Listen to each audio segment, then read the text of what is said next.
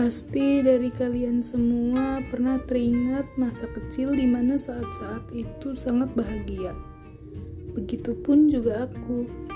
Seandainya waktu bisa diputar kembali, akan kuputar ke masa di mana masa-masa itu selalu bahagia dan tidak mempunyai beban sama sekali.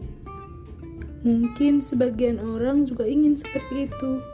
Entahlah, banyak sekali memori-memori dan kenangan-kenangan yang berlalu.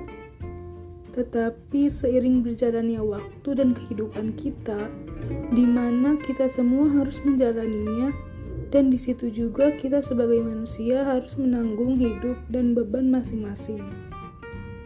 Maka dari itu nikmati saja.